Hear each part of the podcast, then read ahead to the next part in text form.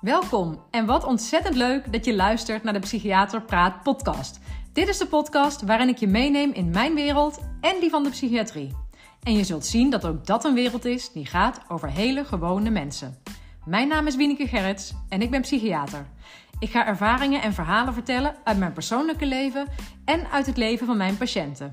Laat je raken, inspireren, motiveren of gewoon een hart onder de riem steken. Mijn missie is om zoveel mogelijk mensen in beweging te zetten om voor zichzelf te zorgen. Door met elkaar te delen en hulp te vragen als dat nodig is. Niet alleen bij professionals, ook bij elkaar. Zo maken we samen het leven wat draaglijker en onszelf of de ander soms gewoonweg een stukje gelukkiger. Heel veel luisterplezier!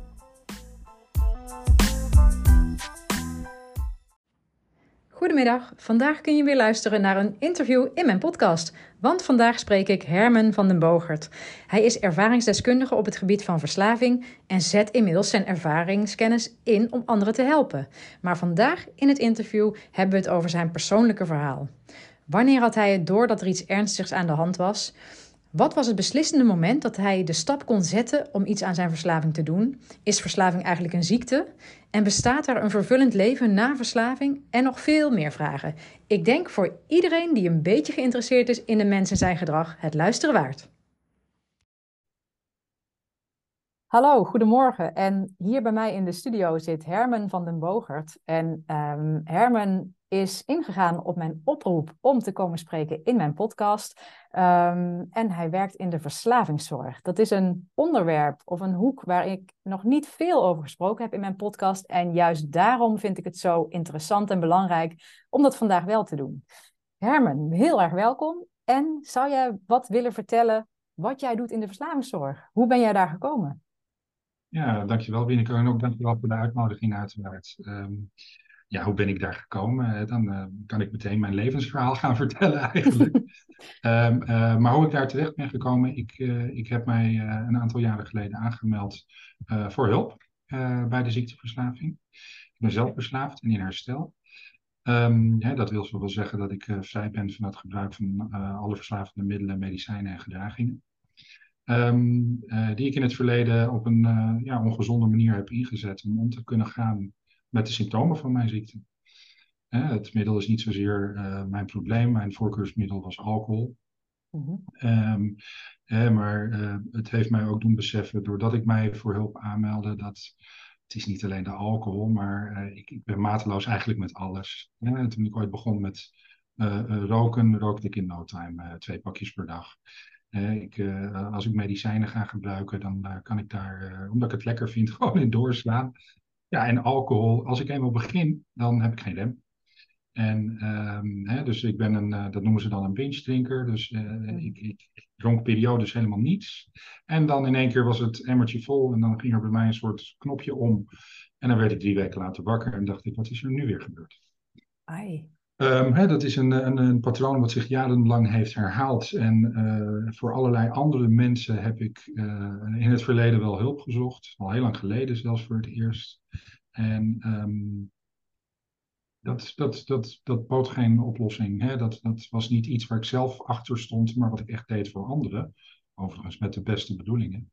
Um, uh, maar dat werkte niet, dat sloeg niet aan, dat kwam niet bij me aan. En op een gegeven moment, heb ik een aantal jaar geleden zat ik uh, op, op, mijn toenmalig balkon. En uh, toen dacht ik letterlijk, nou kan u springen of ik kan toch echt eens iemand gaan bellen om om hulp te vragen. Ik werkte toen al aan een bepaald zelfhulpprogramma. En um, vanuit de zelfhulpgroepen, ik had er ook contact met iemand die al langer nuchter was op dat moment. En die was heel enthousiast over de organisatie waar hij zelf behandeld is. En die heb ik gebeld nou ja, en toen is het balletje gaan rollen. Ik uh, um, ben daar behandeld. Ik, ben, uh, uh, ik heb een abstinente leefstijl gevonden, zeg maar. Um, en ik vond het zo interessant wat er gebeurde in dat proces ook van herstellen. Dat ik daarover over ben gaan lezen en ben gaan onderzoeken van wat kan ik hier nou mee. Dat gecombineerd met mijn achtergrond. Ik heb een achtergrond in de hotellerie. Uh, ik heb in uh, binnen- en buitenland in, in uh, de hotellerie gewerkt altijd. en ik wilde iets doen met die, um, ja, de, de, mijn dienstbare karakter, mijn zorgzaamheid, zeg maar. En de, de, daarin wordt ook bijvoorbeeld vaak de link gelegd, je werkt in hotels, dus logisch dat je daar niet meer kan werken, want er is alcohol. Nou, dat was helemaal niet aan de orde. Ik heb bij wijze van spreken, mijn, mijn laatste werkgever, die was haast met stomheid geslagen dat ik mij aanmeldde, dat ik vertelde, ik, ik, ik, laat me behandelen voor verslaving. Ja, denk toch niet? Ze hadden dat helemaal dus, niet gemerkt toen je daar werkte. Nee, nee ik, dronk ook, je... ik dronk ook niet. Nee, dat deed ik thuis. Ja, hey, en mag ik even onderbreken? Ja, eh, tuurlijk. Uh, want uh, jouw verhaal roept meteen al zoveel vragen op. Uh, en voordat ik ze vergeet, jij begon jouw verhaal ook te zeggen met mijn ziekteverslaving en ik ben nu in herstel. Ik weet niet of ik mm -hmm. let. En daar ging meteen eventjes bij mij een nieuwsgierigheid aan, dat ik dacht, ja. oké, dus jij hebt de ziekte nog. Bedoel je dat? Zeker, ja hoor, ik zal verslaafd blijven voor mijn leven. Ja? En dat is ook niet iets wat ik erg vind. Ja, want op het moment, noem het een verslaving in het missen, geef het een naam. Hè? Um, uh, ik vind het fijn, en dat is voor ieder verschillend hoor, maar ik vind het fijn juist om dat te benoemen. Want ik weet, als ik een sigaret zou opsteken, nu hier beneden, of ik, ik heb het vorige week of twee weken geleden nog uitgelegd in een uh, groep familieleden, um, wat er gebeurt in mijn lichaam, letterlijk fysiek, maar ook in mijn brein als ik omschrijf hoe ik een pakje sigaretten bijvoorbeeld uh, uh, open zou maken, um, hè, dat je het plasticje ervan afhaalt en het, het pakje openmaakt, zeg maar, en het folietje er, dat maakt allemaal geluidjes. Nou, mijn haren gaan al recht overeind staan. Oh. Dat is wat er bij mij fysiek gebeurt. Dus dat is de, de, een, een, een, een, iets waarmee ik kan aantonen, zeg maar, wat er fysiek gebeurt bij mij als ik uh, denk aan zoiets. Ja. Um, um, en waarom het voor mij dus een ziekte is. Het is niet iets waar ik voor gekozen heb. Het is niet, uh, ik zeg wel eens gekscherend, ik werd niet op een maandag wakker, wakker en ik dacht, nou, dit wordt mijn politie, ik word verslaafd. Nee. Ik heb ook geen, ik ben ook niet familiair belast. Hè. Ik heb ik, niemand in mijn uh, familie uh, is bekend met deze ziekte. Um, ik kom ook niet uit een achtergrond waarin het een groot probleem of dat, waarin verslaving een rol speelt, helemaal niet zelfs. Um, ik heb dezelfde opvoeding genoten als mijn zusje. Ik heb een, warme jeugd gehad. Um, mijn ouders zijn nog steeds bij elkaar. dus het heeft ons, we, hebben nooit iets, we zijn nooit tekort gekomen. En ja. uh, op wat voor vlak dan ook, financieel gezien in ieder geval. En um, mijn zusje die, heeft hier, die heeft deze ziekte niet en ik wel. Ik, ik, als ik ook door de behandeling die ik heb genoten, of behandelingen die ik heb genoten, kwam ik er ook achter dat ik, voordat ik überhaupt ooit een druppel al gedronken had, vertoonde ik al het volledige gedrag van iemand met deze ziekte. Hey, en is het dan zo, want je zegt ik ben niet erfelijk belast en daarmee doel je op hè, dat het niet familiair voorkomt of dat het bekend nee. is, maar want uh, waar ik wel nieuwsgierig naar ben, naar jouw kijk op deze zaak, want er is natuurlijk heel veel wetenschappelijk onderzoek gedaan naar deze ziekte uh, om hem te begrijpen. En er zijn natuurlijk mhm. veel aanwijzingen dat je ook uh, in aanleg, hè, dus ook genetisch, um, vatbaar kunt zijn voor verslaving. Denk Absoluut. jij dat dat bij jou dus zo is? Of zeg jij Uh, nee? het zit niet. Ik ben ermee geboren. Ja? Ja, uh, mijn ouders, uh, hè, mijn, mijn voorvader, of voorouders uh, zijn niet bekend met deze ziekte, helemaal niet. Um, um, en ik vind het lastig om te zeggen, maar ik kom ook niet uit een milieu, milieu waarin dan de kans eventueel hè, wat groter zou zijn. Um, je, je, als je er veel mee besmet wordt, hè, je, zit er, je zit er middenin. Stel je ouders zijn ik noem maar even uh, heroïnegebruikers, dan bestaat er een kans dat je daarmee belast bent, inderdaad. Hè? Ja. Uh, maar dat is niet de enige reden, of dat hoeft niet altijd de reden te zijn. Bij mij is dat niet het geval. Het is, het is niet bekend bij ons. En uh, toch heb ik deze ziekte. Um, ja. Dus ik ben er echt mee geboren. Ja, en uh, kan het ook zo zijn dat er dan mensen geboren worden, in jouw optiek dan, hè? dat er mensen geboren worden zonder die genetische belasting, maar die dus door de omstandigheden gedurende het leven, hè, inderdaad bijvoorbeeld ouders met voorbeeldgedrag en dergelijke, mm -hmm. dat je de ziekte krijgt tijdens het leven? Dat je hem nog ja, niet had? Dat kan, de omstandigheden kunnen dat versterken, uh, inderdaad. Ja. Het kan geluxeerd worden door bijvoorbeeld uh, andere psychische aandoeningen, hè? of psychiatrische aandoeningen. Als je een ja. persoonlijkheidsstoornis hebt en daarbij bijvoorbeeld middelen inzet om daarbij bepaald gedrag te verdoven. Ja, dat, hè, dat, daar, daar, dat kan de, de ziekte luxeren. Ik denk wel dat het ergens altijd sluimert. Maar dat wil niet zeggen dat het altijd tot uiting hoeft te komen. Ja, en daarin zeg je ook iets heel moois. Iets wat ook inderdaad, uh, ook ik als psychiater veel heb gezien uh, onder mijn patiënten die ik uh, heb behandeld als psychiater. je hebt inderdaad, jij, jij, omschrijft eigenlijk dat je zegt, ik, had, ik ben ermee geboren. Ik, al voordat ik middelen ging gebruiken, zag je bepaald gedrag. Daar komen we graag dadelijk even op terug, wat het dan precies was. maar wat ik ook veel heb gezien, is inderdaad dat mensen middelen inzetten. Uh, als functie, hè, met een functie om bijvoorbeeld naar emoties uh, te onderdrukken of te verdoven, maar daarmee vervolgens inderdaad een verslaving uh, krijgen. Hè, en nog steeds kan het ook zo zijn dat zij inderdaad in aanleg dan daar gevoelig voor waren, maar dat het echt wordt ingezet voor iets. Um, dus dan heb je het eigenlijk over coping. Enerzijds. Ja. En in jouw geval, was het bij jou ook coping? Of was het dus iets waarvan je zei, nee, het is gewoon, zodra ik aan middelen begon, gebeurde dat? Ja, dat is, dat is moeilijk te zeggen uh, in mijn geval. Tenminste, moeilijk te zeggen. Het is niet moeilijk te zeggen. Ik weet wat het bij mij is. Bij anderen kan ik, voor anderen kan ik dat uiteraard niet zeggen. Uh, maar wat je zegt ook, we krijgen vaak medicatie voorgeschreven omdat het helpend is. Even kijkend naar persoonlijkheidsproblematiek. Iemand krijgt bijvoorbeeld Ritalin voorgeschreven, of Concerta, of hoe dat dan ook heet. En die neemt een pilletje en voelt zich wat beter. En denkt vervolgens, nou weet je wat, dat pilletje kan ik ook gaan snuiven. Dus die ver, versnijdt het en gaat het snuiven, want het werkt sneller. Kijk, het nemen van een pilletje Ritalin wil niet zeggen dat je verslaafd bent. Het gedrag wat je vervolgens daarin vertoont, uh, uh, maakt dat de verhouding met het middel verandert. En daarin kan iemand spreken over deze ziekte. In mijn geval is het zo dat vanuit mijn jeugd merkte ik dat um, ik en dat besef was er toen echt niet, um, gevoelig was voor, wel voor bepaalde dingen. Hè. Dus ik ben redelijk vroeg, ik was eigenlijk vroeg met alles. Of dat nou koffie drinken was of roken, drinken. Uh, ik ben vroeg begonnen met gokken ook. Um, Wat is ehm, vroeg? En dat deed ik niet met mate. Of, ik, heb, ik, had er, ik had er geen controle over. Hè. Ik sta eigenlijk machteloos tegenover dat soort gedragingen en middelen. Wat, wat is vroeg? Uh, Even nog tussendoor. ja. Wat is vroeg, zeg maar? Je zei, ik ben vroeg begonnen. Waar hebben we het dan over? Geloof dat ik een jaar of zeven was, toen begon ik met koffie drinken. Ik denk dat ik dertien was, toen begon ik voor het eerst met roken. Ik geloof dat ik mijn twaalfde mijn eerste biertje dronk. Um, uh, gokken ben ik op mijn veertiende mee begonnen, denk ik. Um, ja. Ja, dat soort dingen. Ja, dus vroeg. Ja. Ik uh, ben uh, vroeg het huis uitgegaan ook. Echt niet omdat ik niet welkom was thuis. Maar ja, ik wilde maar op eigen benen staan. En eerlijkheid gebied maar ook te zeggen, ik wilde van dat zeik van mijn ouders af, dat ze het zo vervelend vonden dat ik sigaretten rookte. Ja, ja. Dus, um, uh, en dat werd ook gefaciliteerd. Dus ik, uh, ik, uh, ik had ook een eigen. Ik woonde ook niet meer bij mijn ouders vanaf mijn zestiende. dus ik was echt vroeg met alles. Ja. Hey, en wat waren dan. Je zei net namelijk, hè, ik vertoonde al bepaalde gedragingen die je, zeker nu terugkijkend, wel kun, daaraan kunt zien van hé, hey, dat is, zijn gedragingen die horen bij een nou ja, kans op verslaving of beginnende verslaving. Of verslavingsgedrag. Wat was dat dan? Altijd de behoefte hebben om uh, dingen op mijn manier gedaan te krijgen.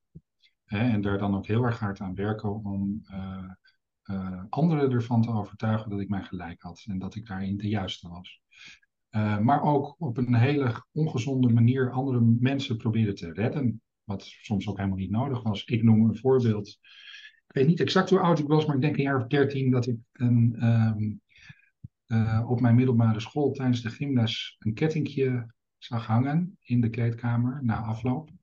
Dat heb ik in mijn zak gestoken um, met de uh, bedoeling om dat te verkopen, zodat ik weer wat extra geld aan mijn ouders kon voor mijn vader kon geven, want ik vond het zo lastig dat hij uh, niet meer in het familiebedrijf zat. Um, en nou ja, dat wij het, dat, dat het financieel wat minder ging dan wat we gewend waren, zeg maar.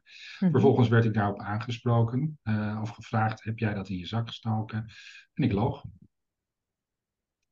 En dat is een voorbeeld wat ik mij uh, inmiddels goed herinner.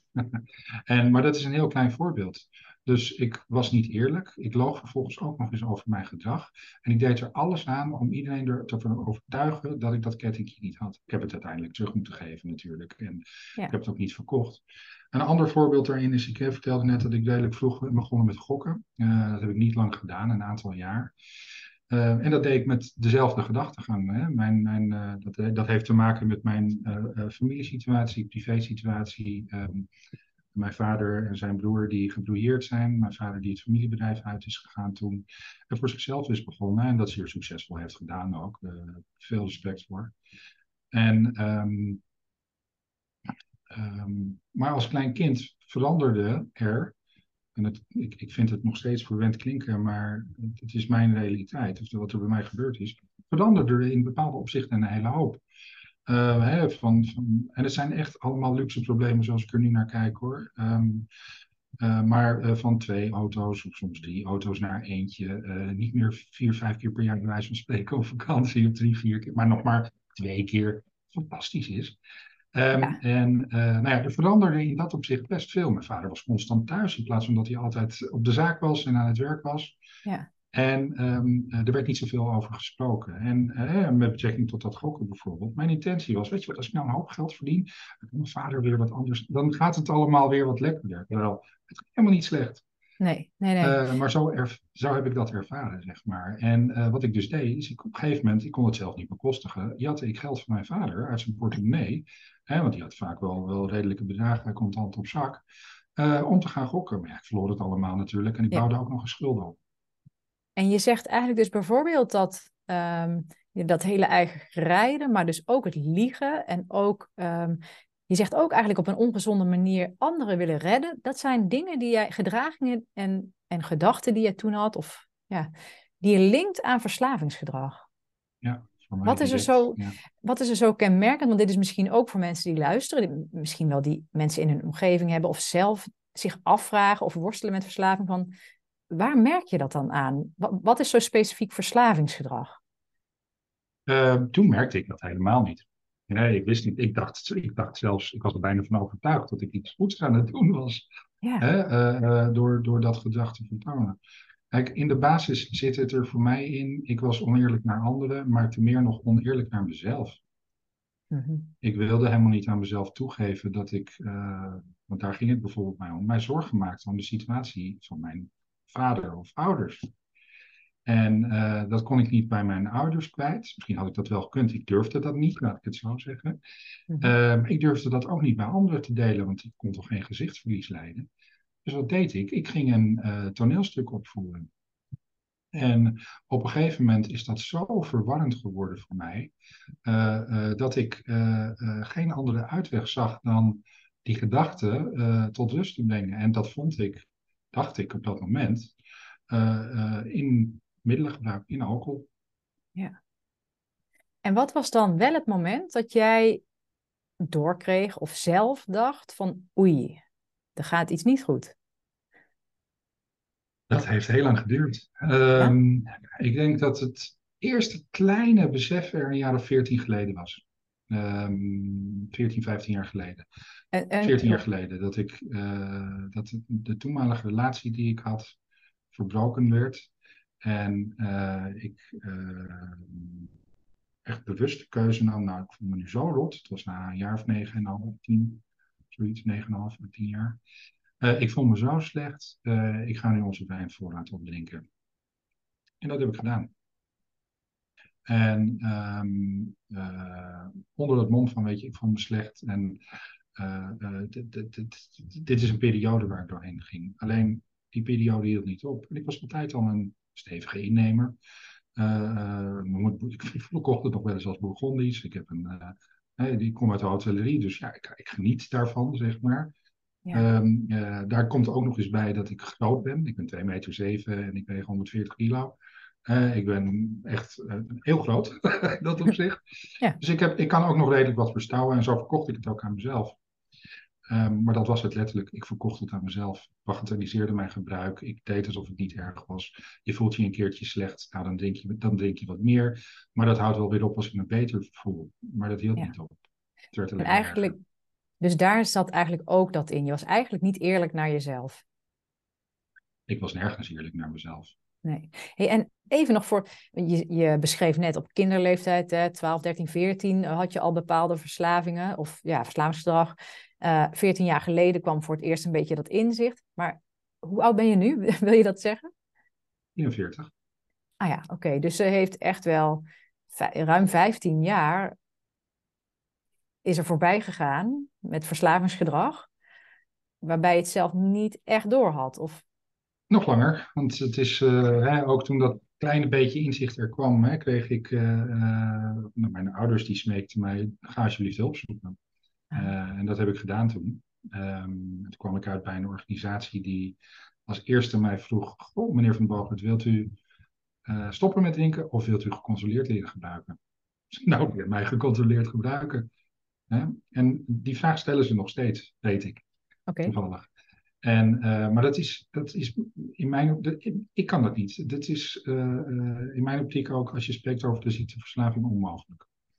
Um, gecontroleerd gebruik van wat voor middel dan ook, is in mijn geval echt niet mogelijk. Maar zij vroegen mij, kunt, wilt u dat leren? Ja, leer mij dat. En toen maakte ik ook de afspraak dat um, ik, in de, dat, zijn bepaalde leefstijltrajecten, dat heb ik twee keer doorlopen. En van twaalf 12 weken, geloof ik, of 20 weken behandeling. Ik weet het niet exact meer. En dan maakte ik de afspraak dat ik gedurende die behandeling maximaal twee glazen wijn per dag dronk. Dat deed ik ook. Die hele behandeling. Ik stel er alleen niet bij dat er anderhalve liter in die glazen zat. Dus ik loog niet. Dat zei ik ook tegen mezelf. Ik lieg niet. Ik drink twee glazen. Maar ja, dat waren glazen van de anderhalve liter. En um, uh, om een voorbeeld te geven van mijn, mijn, het liegen naar anderen, maar ook naar mezelf. Ja, precies. Want dit is wel heel heftig inderdaad. Want je zou eigenlijk toch, ja, als je dit nu vertelt, dan denk ik, ja, hallo, dat, dat snap je zelf toch ook. Dat je, iemand, dat je jezelf heel erg voor de gek houdt. Nu snap ik dat. Ja, maar, toen maar toen echt niet. Nee. Dus zo, ja, zo'n vertekend beeld krijg je eigenlijk van jezelf of ja, van je gedrag. Absoluut, ja, ja. Ik dacht dat het uh, heel normaal gedrag was. Ik ligt toch niet, ik denk maar twee glazen wijn. Ja. En um, uh, er werd ook niet gevraagd naar de hoeveelheid, dus waarom moet ik dat dan vermelden? Het zijn gewoon twee glazen. Ja. ja. Ja. ja. en ook echt bijvoorbeeld de overtuiging hebben als, als uh, kennis of vrienden van mij zeiden van nou, ik moet vrijdag, vrijdag kan ik niet gaan eten of we kunnen niet even wat gaan drinken, want ik moet vanavond mijn dochter uit, van een schoolfeestje ophalen om 11 uur. Dat ik eigenlijk met nou ja, met stomheid geslagen was. Wie is er nou op vrijdagavond om 11 uur nog nuchter? Kan toch helemaal niet? Ja, dat was een onmogelijkheid in jou, in jou vanuit jouw perspectief. Dat kan, dat, hoe, wie, hoe dan?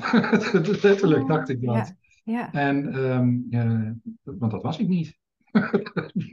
dus je had het echt niet door eigenlijk. Het was zo dramatisch. dingen had ik wel door op een gegeven moment. Alleen dat heeft echt een hele lange tijd nodig gehad.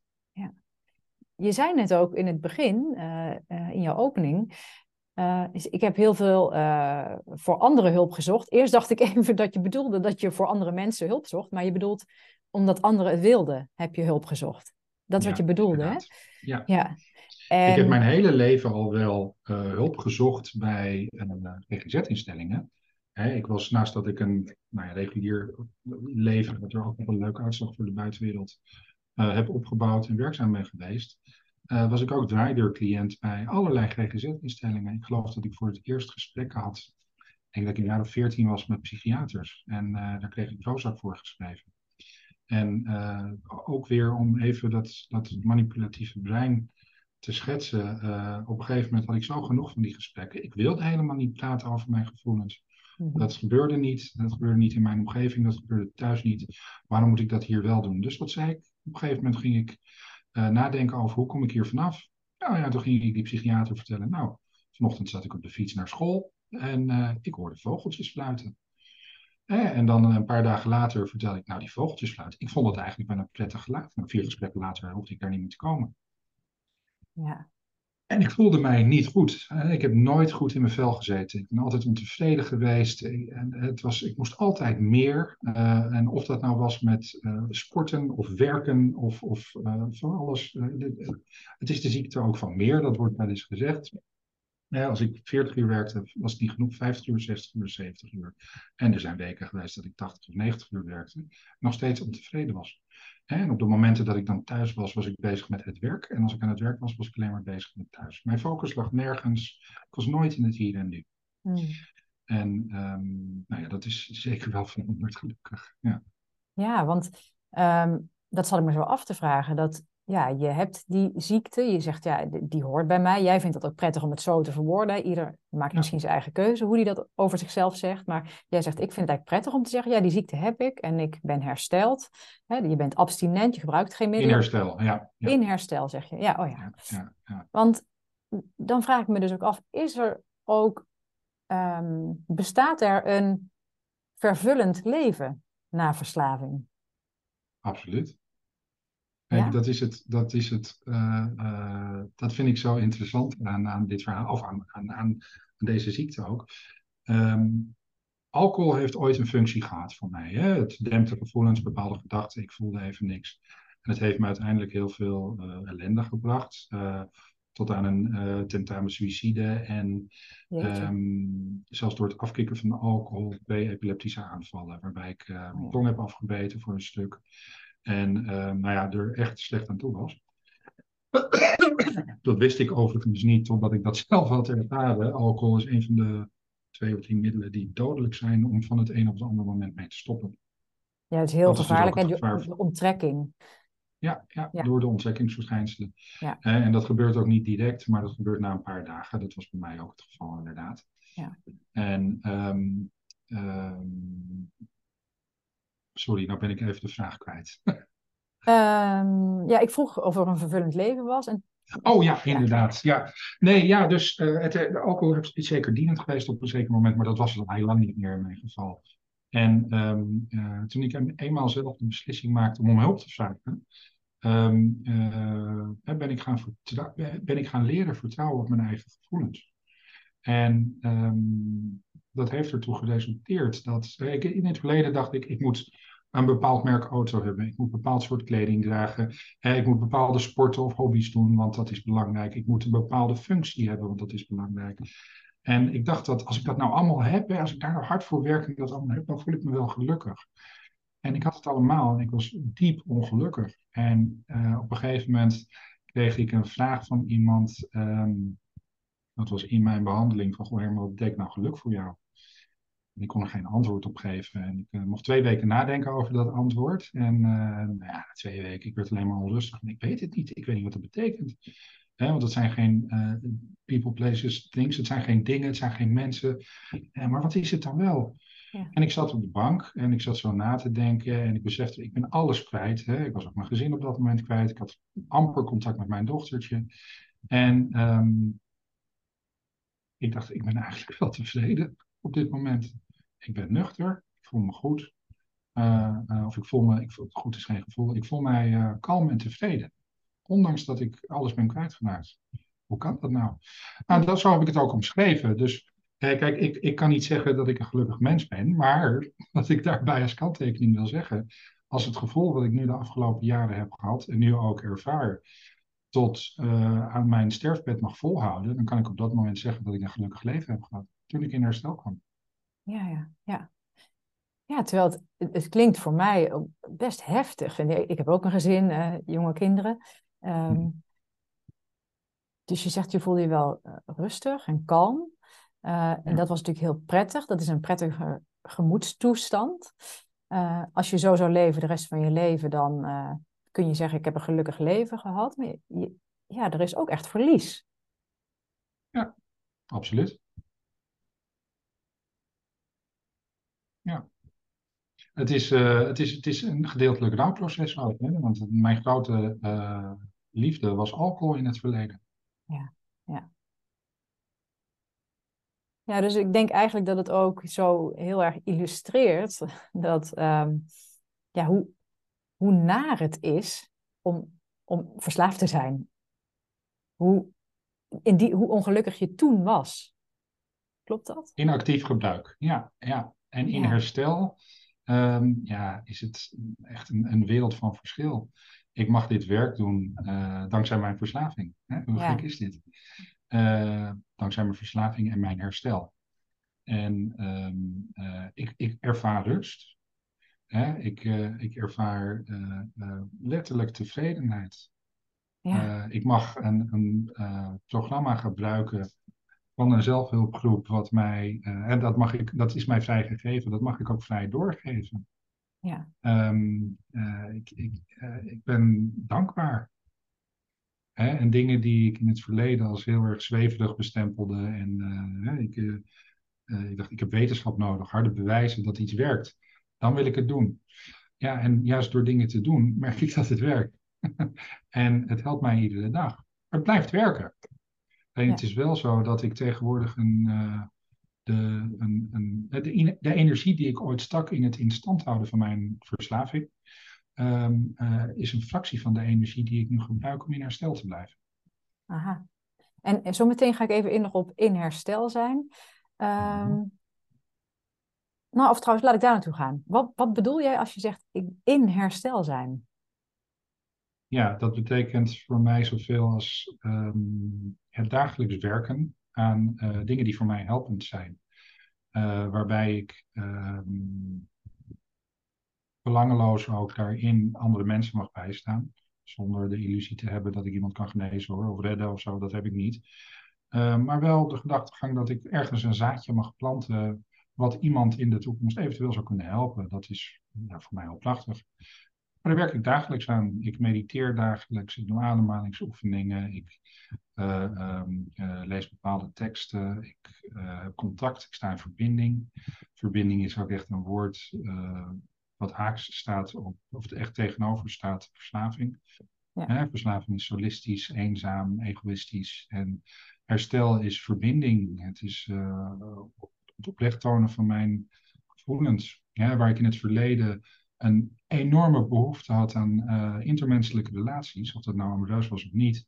Uh, maar wel, door mijn gebruik kon dat niet. Ik kon het heel leuk doen vanaf de buitenkant en er voor een ander zijn, maar ik kon niets van mezelf tonen. Ik durfde dat niet. En dat zorgde er dus voor dat het oppervlakkig in eerste instantie heel snel met iemand kon klikken. En vervolgens, uh, zodra het over mij of mijn gevoelens ging, ja, dan was het over dan was die verbinding er niet. Ja. En uh, herstel helpt mij in uh, het absoluut open en oprecht zijn naar mezelf in eerste instantie en daarmee naar anderen. Uh, en dat veroorzaakt dus die intermenselijke relaties, die zo warm zijn. echt die verbindingen met anderen. En die verbinding is er ook heel snel. Dat had ik nooit verwacht. Maar als ik een, voor een groep mensen zit die ik niet ken, uh, en ik vertel wat over mijn verhaal en ik luister naar andere verhalen en ik benoem daarin mijn herkenning uh, vanuit mijn eigen verleden. Uh, um, er is eigenlijk een soort instant verbinding, ja, directe ja. verbinding. En dat is ook hetgene wat mij zo geholpen heeft om in herstel te kunnen komen. toen ik voor het eerst ging praten met mensen die dezelfde ziekte hebben, veranderde er wat. Kon ik niet meer manipuleren. Het gedrag werd herkend. Het werd benoemd. Er werd om gelachen af en toe. En um, uh, dat vond ik heel lastig in het begin, maar dat is wel wat mijn ogen heeft doen openen. Dus al die hulpverleners die ik in de jaren daarvoor heb versleten, of dat nou was in. Ik, ik heb op gesloten afdelingen gezeten, of in gesloten instellingen, open afdelingen. Uh, ik heb allerlei therapieën gehad, jarenlang. Ik heb allerlei diagnoses gehad ook. En um, toen ik voor het eerst in contact kwam met mensen die hetzelfde hebben, het ervaringsdeskundigen, die ook nog uh, opgeleid zijn hè, als behandelaar bijvoorbeeld, psycholoog zijn en ervaringsdeskundige, die prikten er meteen doorheen. En dat was zo'n verademing. Ik ben niet alleen. Ja, ja. Oh, prachtig dat je dat zo zegt. Ja, dat is wel een beetje mijn paradepaardje altijd van delen. Want die herkenning en de steun en de hoop en gewoon het uh, elkaar begrijpen, zeg maar, is zo belangrijk. Nou, dat, dat zeg jij nu eigenlijk allemaal. Dat is absoluut belangrijk. En dat is dus ook het lastige binnen de, de reguliere, noem ik het even, GGZ ik heb ontzettend veel hulp gehad. Hè? En, omdat ik niet lekker in mijn vel zat of wat dan ook. En er werd er een diagnose gesteld, omdat ik dan weer verder kon gaan met bepaalde behandelingen of gesprekken. Maar hoe meer hulp ik kreeg, hoe eenzamer ik werd. Ja. Ik, ja. ik word niet begrepen, ze snappen me niet. Ik zat op een gegeven moment na, een, eh, na mijn uh, tentamen na mijn zelfmoordpoging, zat ik op een, uh, in een gesloten afdeling in Amsterdam. En uh, toen had ik een gesprek op een gegeven moment met een behandelaar. En die zegt, Herman, wat doe jij hier? Je hoort hier helemaal niet. Ik zeg, ik hoor hier niet. Ik ben al twintig jaar zit ik in de ellende. Ik voel me zo. Ja, hoort hij niet. Nou ja, uh, hoe, hoe, hoe, hoe, wil je het krijgen? Dan moet ik bijzeggen, dat lag niet aan hem. Hè? Uh, ik was niet open over mijn gebruik. Ja, ja. Misschien had hij eigenlijk wel Ehm, gelijk. Eh, hij had zeker gelijk, ja. ja. Maar, maar je voelde je niet begrepen.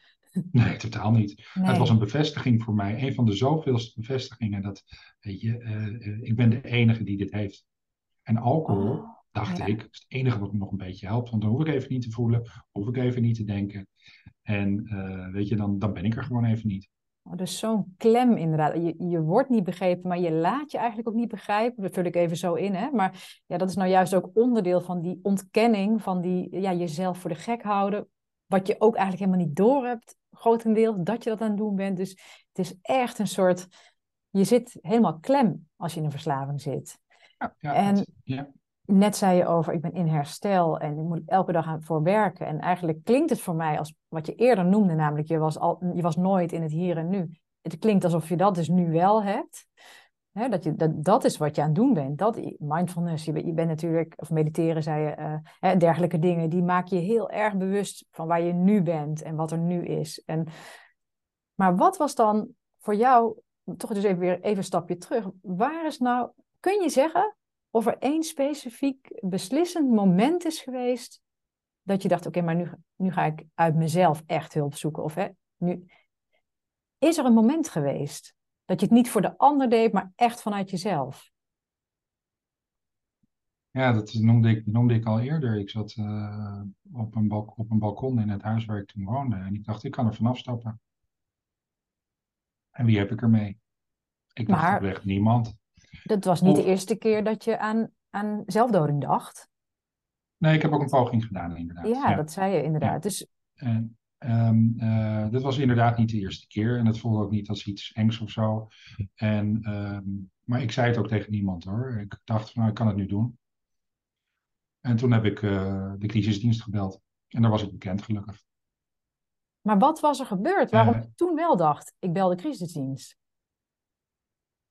Ehm, ja, wat is er toen gebeurd? Ehm, ik denk dat daar bij mij het probleembesef kwam. Ik zeg, alles wat ik tot nu toe gedaan heb, alles wat ik wil, heeft niet gewerkt. Laat ik maar eens naar anderen gaan luisteren. En laat ik maar eens om hulp gaan vragen. Maar dat is echt een... Ehm, eh, mijn wil is destructief. Dat heb ik wel bewezen. Hè, eh, kreeg ik hulp aangeboden, maar dan moest het toch op mijn manier. Ik wilde niet samen met iemand anders op een kamer. Ik wilde geen groepsgesprekken. Ik wilde dit niet. Ik wilde geen dat, dat niet. Ik wilde heel veel niet. Ja. Maar het enige wat ik mocht doen, eh, ehm, eh, daar stond ik niet voor open. Ja. En ehm, ik denk, nou, weet je wat? Ik geef mezelf een jaar. Laat ik het maar gewoon eens aangaan voor een jaar. Laat ik maar eens die hulp gaan aanvaarden. eh, ehm, in, die, in, die, in, in die verslavingszorg. En ik kijk wel waar het geschip staat. Ik bedoel, erger dan dit kan het toch niet worden. Zou je dan kunnen zeggen dat, dat je op dat moment op dat balkon je echt in een dieptepunt begaf? Ja, ik heb in dat opzicht best vele dieptepunten gekend, denk ik. Mensen Ja. hebben het ook wel eens over een, uh, een rock bottom, hè, je bodem bereiken. Ja, dat, dat, ik dacht dat bijvoorbeeld na mijn uh, zelfmoordpoging al bereikt te hebben. Maar uh, nou, dat was het nog zeker niet, kan ik wel vertellen. En ik lach er nu om. En niet om, het, niet, om het weg te lachen of om het uit te lachen, maar het bewijst maar weer de waanzin van mijn ziekte. Dus uh, ik heb die bodem uh, meerdere malen mogen bereiken. Of die werd steeds dieper. Ik, ik, kon nog verder graven, zeg maar. Uh, maar ik denk uiteindelijk wel dat ik die, die bodem heb bereikt. Ze noemen het ook wel de, ja, in het Engels gift of desperation, de gift van wanhoop. Um, ik was gewoon op. Ik was klaar met strijden. Raak als ik het zeg. Ja. En het raakt me omdat um, ik zo dankbaar ben waar ik nu ben. Ja, ja. Hè, dus um, ik was gewoon echt klaar met het vechten. Het vechten tegen mezelf. Ja. Tegen alles en iedereen. Ja. ja, echt heel erg diep gekomen. En daar, daar was je al vaker geweest, zei je ook. En Ja, blijkbaar, blijkbaar was dit een moment waarop je toch ervoer van oké, ik heb eigenlijk, ik sta op een T-splits en ik kan links of rechts afgaan. Ja. Ja. En uh, ik heb gelukkig mijn herstel daarin kunnen vinden. Ja. Um, hè, ik, uh, ik ga niet zeggen dat het een makkelijke weg is hoor, helemaal niet. Um, maar ik leerde gaandeweg wel dat hoe meer ik ermee bezig ben en blijf, hoe makkelijker het gaat. verslaving is voor een, een, de ziekteverslaving is voor een groot gedeelte gedrag, maar voor een klein gedeelte het middel of de middelen, nee, gedragingen. Um, processen moet ik dan zeggen eigenlijk. Hmm. En ehm, gedrag wat ik mijn hele leven heb opgebouwd, hè, en laten we zeggen in 35 jaar, 36 jaar, verander je niet in een maandje. Hè, Mensen die, die, die zeggen, nou ik heb een detoxbehandeling gedaan. Maar het is geen behandeling. Het is alleen maar het ontgiften in een veilige omgeving. En uh, hè, een behandeling, het, het, daadwerkelijk veranderen van gedrag, ehm, is iets waar ik dus mijn hele leven mee bezig mag blijven. En dat vind ik ook helemaal niet erg hoor, want het is uh, wat het me allemaal brengt, dat vind ik geweldig. Um, ja, maar dat, je verandert het echt niet in een, in een paar dagen, een paar weken, niet eens in een paar maanden. dat heeft echt tijd nodig. Het is en het blijft een persoonlijke uitdaging, hoor ik je eigenlijk zeggen. Je moet eigenlijk steeds scherp blijven op jezelf. Nou ja, kijk, het zijn eh, letterlijk verbindingen in de hersenen, bepaalde wegen die aangelegd zijn. Eh, en dat gedrag, daar kun je heel makkelijk in terugvallen. Dat is een oude jas die je aantrekt en dat zit comfortabel, dat ben je gewend, hoef je niet over na te denken. Dat nieuwe gedrag is juist hetgeen, die, die nieuwe verbindingen zijn wel mogelijk. Um, maar die zijn heel dun, zeker in het begin. Ja, ja. En die mogen, dat mag een snelweg worden uiteindelijk. Hè. Ik noem het het fundament of de basis van mijn herstel. Als het fundament maar sterk genoeg is, dan leer ik iedere keer weer hoe om te gaan met situaties. En daar helpt dus ook in het hier en nu leven mij ontzettend bij. Hè. Geen verwachtingen hebben. Ja. En uh, ik zeg wel eens, het verwachtingsloos leven, dat is, we hebben van nature altijd verwachtingen. Uh, maar het is wel iets wat ik nastreef, juist omdat die verwachtingen zo'n grote valkuil voor mij zijn. Dat loopt nooit zoals ik het wil. Ja, ja. Ja, mooi dat je dat zo uitlegt ook inderdaad met die dunne lijntjes die een snelweg mogen worden of een fundament. Maar, want dat zie je natuurlijk heel veel ook bij mensen waar het niet om verslaving gaat, maar met andere gedragingen, andere copingstijlen of hè, gewoontes die we hebben om met lastigheden te dealen, zijn heel moeilijk af te leren. Of, of nou ja, afleren, misschien wat negatief gesteld, maar uh, te vervangen door meer gezonde manieren. Ja. ja. Nou ja, dat is het ook. Hè. Kijk, ik heb uh, de afgelopen jaren ook heel veel mogen stilstaan bij bepaalde. Nou ja, mensen hebben het wel eens over karaktergebreken. Dat is een vreselijk woord. Want het zijn dingen die mij wel definiëren. Het is wel wie, wie ik ben en hoe ik in het leven sta. Uh, is het dan een gebrek? Weet ik niet. Ik, heb, ik ben in bepaalde situaties nou enorm ongeduldig of ik heb een kort lontje in bepaalde situaties. Alleen mag dat dan niet meer of zo? Of moet ik dat veranderen? Nou, weet je, ik ben blij dat ik mij er bewust van ben en vervolgens andere keuzes kan maken. Dat is ook iets wat voor mij herstel betekent dat je andere keuzes kunt maken ook. Ja. ja. Dus en daarin dus ook leer om terug te kunnen komen als ik een, uh, terug te komen op een keuze die ik maak. Ja. Als ik uh, een, een keuze heb gemaakt die verkeerd is of die anders had gekund. Ja, ja precies. Ik mag daar open over zijn. Ja, en je neemt de verantwoordelijkheid voor eigenlijk, voor je gedrag. Oké, ik heb toen dat gekozen, maar nou, als ik terugkijk, had ik misschien anders willen doen of zou ik in het vervolg anders willen doen ik kan geen sorry meer zeggen voor de dingen die ik in het verleden heb gedaan. Um, dat is zeker mensen die, net, die, die nog in actief gebruik zitten, die, die, die, die hebben heel erg die behoefte. Hè? Ik wil aan iedereen en alles mijn excuses maken. Ja, ik, heb, ik, ik kan niet zeggen hoe vaak ik wel niet sorry heb gezegd voor mijn gedrag. Ja. En het betekende, ik meende het oprecht toen ik het zei, maar het zijn loze woorden. herstel leert mij om uh, verantwoording te kunnen nemen voor de dingen die ik in het verleden heb gedaan. En, um, maar herstel leert mij niet om sorry te zeggen, maar om sorry te doen. Ik kan alleen maar laten zien uh, hoe ik uh, op dit moment met bepaalde situaties, dingen, mijn leven omga. Um, en dat is de enige manier voor mij in ieder geval waarop ik kan laten zien dat ik het meen. Ja, precies, in je gedrag, ja. Mm -hmm hey, en nou, we hadden het net even over, ik wou zeggen de balkonscène, dat klinkt een beetje raar. het woord komt ja. er mooi op. Eh, Leuk, ja. En het moment op het balkon.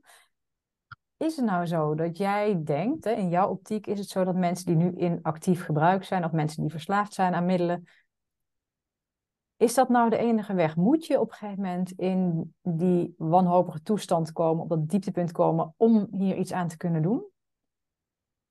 Nee, ik denk dat dat niet, niet uh, zeker niet altijd nodig is hoor. Nee, absoluut niet. Je kan in ieder moment, uh, je kan op ieder moment, op het moment dat je zeg maar beseft, hé, hey, dit is toch niet gezond, uh, kun je om hulp vragen. En um, kun je eruit stappen. Ja hoor. En kijk, als je die bodem bereikt, en dan nog, dit is een voorzichtige, dit is een aanname, maar het gaat over mij. In mijn geval, ik heb die bodem mogen bereiken. En nou ja, ik weet waar ik vandaan kom. Ik hoef daar echt niet meer naar terug. Nee. En ik zal er dus aan blijven werken. Om, dus ik kan geen beloftes maken. Hè? Ik weet niet, uh, ik zeg wel eens, uh, weet je, het is vier minuten voor half twaalf. Uh, ik ben nuchter. vandaag is een mooie dag. Gisteren ja. was ik nuchter, dat is ook een mooie dag. Morgen zie ik morgen wel. Ja, precies, ja. Hey, maar en toch, wat, kunnen we dan een hoopvolle boodschap geven aan mensen met een verslaving? Maar in de zin ook van, ja, hoe moet iemand dat nou doen? Hoe moet iemand nou denken, oké, maar nu ga ik wel hulp vragen. Hoe komt die eruit? Ja, dat is. We leren van jongs af aan eigenlijk al dat er bepaalde stigma's hangen rondom dit thema. rondom de ziekteverslaving. Uh, sowieso door het een ziekte te noemen. Uh, je leerde, ik, ik heb geleerd, het is wilskracht. Hmm. Als je je zo slecht voelt, ik heb wel eens het advies gekregen, als je je slecht voelt moet je niet drinken. Uh, en uh, als je je zo, slecht, als lang slecht voelt, dan drink je toch gewoon niet. Nou, hopla, ik ben genezen. Ja. Je, dat is het niet. Ik wilde op een gegeven moment echt niet meer drinken, maar ik wist ook niet hoe ik eruit moest komen. En wat mij dus geholpen heeft, is uh, het zoeken van contact met andere mensen die dit ook hebben.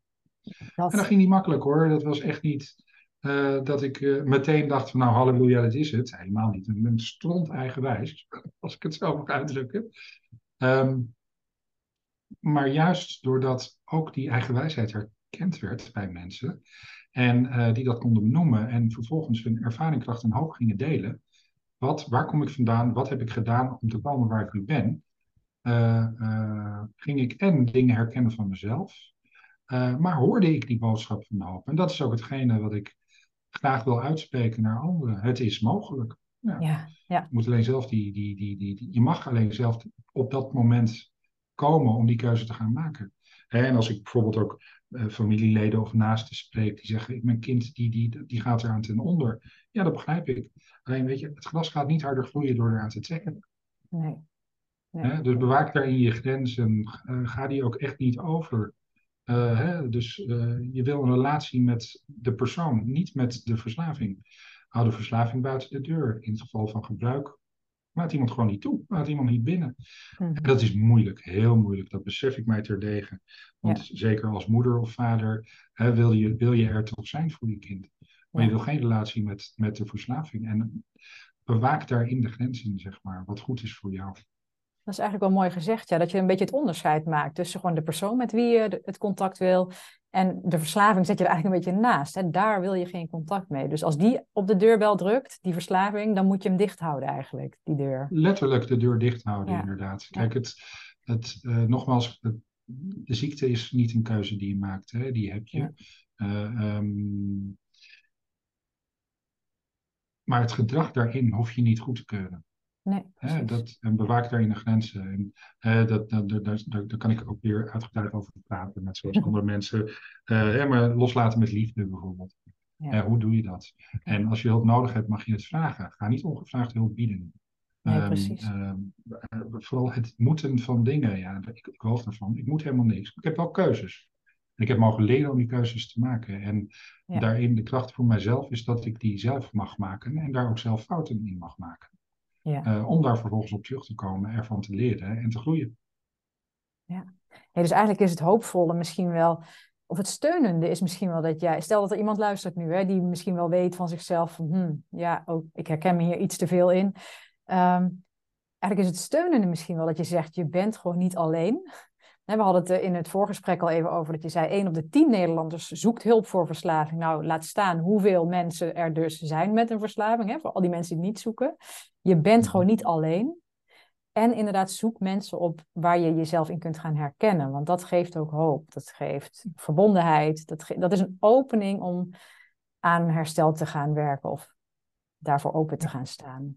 Ja. weet je, kijk naar de overeenkomsten en kijk niet naar de verschillen.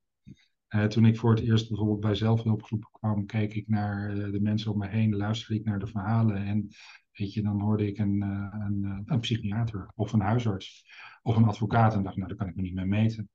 Uh, dat, dat, dat, is een, dat is, daar, daar, hoor ik niet bij. Maar dan, dan zat er ook iemand die dakloos is. Hè? En, en uh, of er zat iemand die, die gewoon lerares was. En uh, ik, ik, ik, kan daar, bedoel, dat was niet van mij. Dus ik keek alleen maar naar de verschillen. Ik was niet bezig met de overeenkomsten. En pas op het moment dat ik open ben gaan staan om te luisteren naar de overeenkomsten, herkende ik me allemaal wat. Ja, ja, ja. En ja, dat, dat, dat zorgt voor die verbinding echt. Dat ja. heb je nodig, ja. Absoluut, ja. En iets wat ja, blijft toch een beetje uh, in mijn hoofd rondzingen. Uh, ik weet niet Mhm. waarom, maar ik heb het gevoel van hier moet ik voorzichtig in zijn of zo. Het kan pijnlijk zijn. Ik denk dat dat mijn aanname is zo van... We hebben het veel over verbinding. En verbinding vind je ook nu in het werk wat je doet. Hè, waarbij je jezelf inzet om anderen te helpen. Uh, hoe is het met jouw gezin? Met de mensen van vroeger ook? Hoe is de verbinding? Ik heb, ik heb uh, een hele warme, lieve vriendin. Uh, die mij kent in, alleen in herstel. Dat is een luxe. Mhm. Uh, dat kan ik niet anders zeggen. En um, ik heb een hele warme band met mijn dochter. Zij is zes. En um, weet je, dat, dat uh, nu al merk ik naar die verbinding, die is zo hecht en zo oprecht. Dat is prachtig. En uh, ik heb ja, wat is normaal? Ik heb gewoon gezond contact met mijn ouders. Uh, waarin uh, uh, ik natuurlijk een bepaalde ontwikkeling heb doorgemaakt in de afgelopen jaren. En soms is dat lastig voor over en weer. Alleen ik kan daarin stilstaan bij wat het met mij doet en hoe ik ermee om kan gaan. Ja. ik ben misschien jaren, of ik ben wel jaren bezig geweest om te werken aan hoe kan ik mijn ouders nou veranderen zodat ze gaan doen wat ik wil? en uh, waarom ja. zeggen ze nou dingen op een bepaalde manier? Weet je, er is in de situaties is er niets veranderd, maar er is echt iets veranderd in de manier waarop ik ermee omga. Dus die verbinding is er. Ja, en ik hou uh, ontzettend veel van mijn ouders. En uh, ook van mijn vriendin en mijn dochter uiteraard. En mijn zusje. Ja. Want ook daar is weer verbinding mee. Mijn zusje heeft mij echt op mijn slechtst gezicht gezien.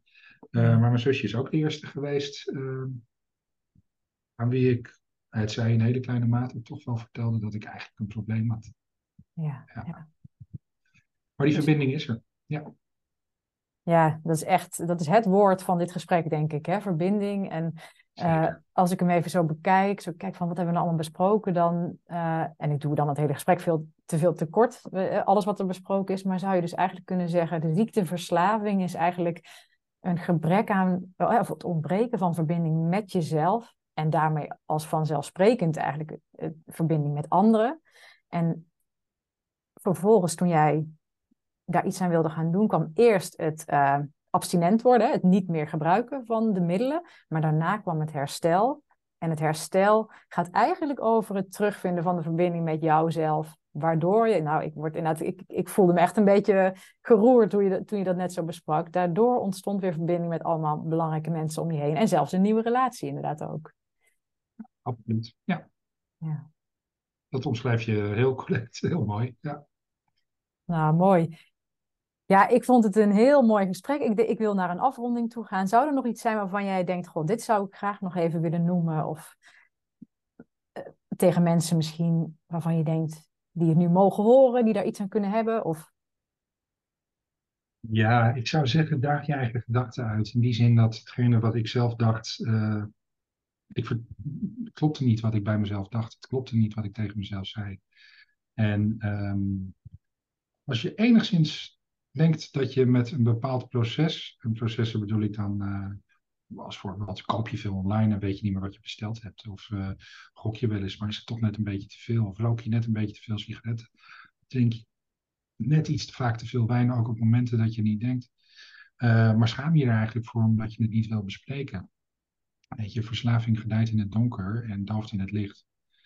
Um, uh, mijn openheid, en uh, dat zal zeker niet iedereen doen, maar helpt mij echt in het dagelijks leven. Hoe open ik er ben, hoe meer open ik ben, hoe meer het ook helpend voor mij is. Om een voorbeeld te noemen, als ik nu naar de supermarkt zou lopen en ik zou daar in de slijter een fles vodka halen, krijg ik vragen van de cashiers. Gaat het wel goed met je? Dus ik, het is iets wat helpend is. je hoeft je niet te schamen voor een ziekte. Je hoeft je niet te schamen voor een ziekte. Ehm, ehm, en je kan, de mogelijkheid bestaat om keuzes te leren maken uh, om anders daarmee om te gaan. Wauw. Nou, dat vond ik wel hele mooie, nou ja, denk ik toch ook wel op verantwoordelijkheid aansprekend, maar ook toch ook hele hoopvolle woorden. Dat je, ja, je kunt het, eh, je moet het met hulp doen, maar het begint bij jezelf. Ja. Absoluut, ja. Nou, Herman, ik wil je heel erg bedanken voor dit gesprek. Ehm, ik hoop dat de luisteraars hier ook uh, door geïnspireerd zijn of geraakt zijn. Ehm, heel erg bedankt dat je hier vandaag was en de tijd hebt genomen. En uh, wie weet spreken we elkaar nog eens. Heel graag. Jij bedankt, Fineke.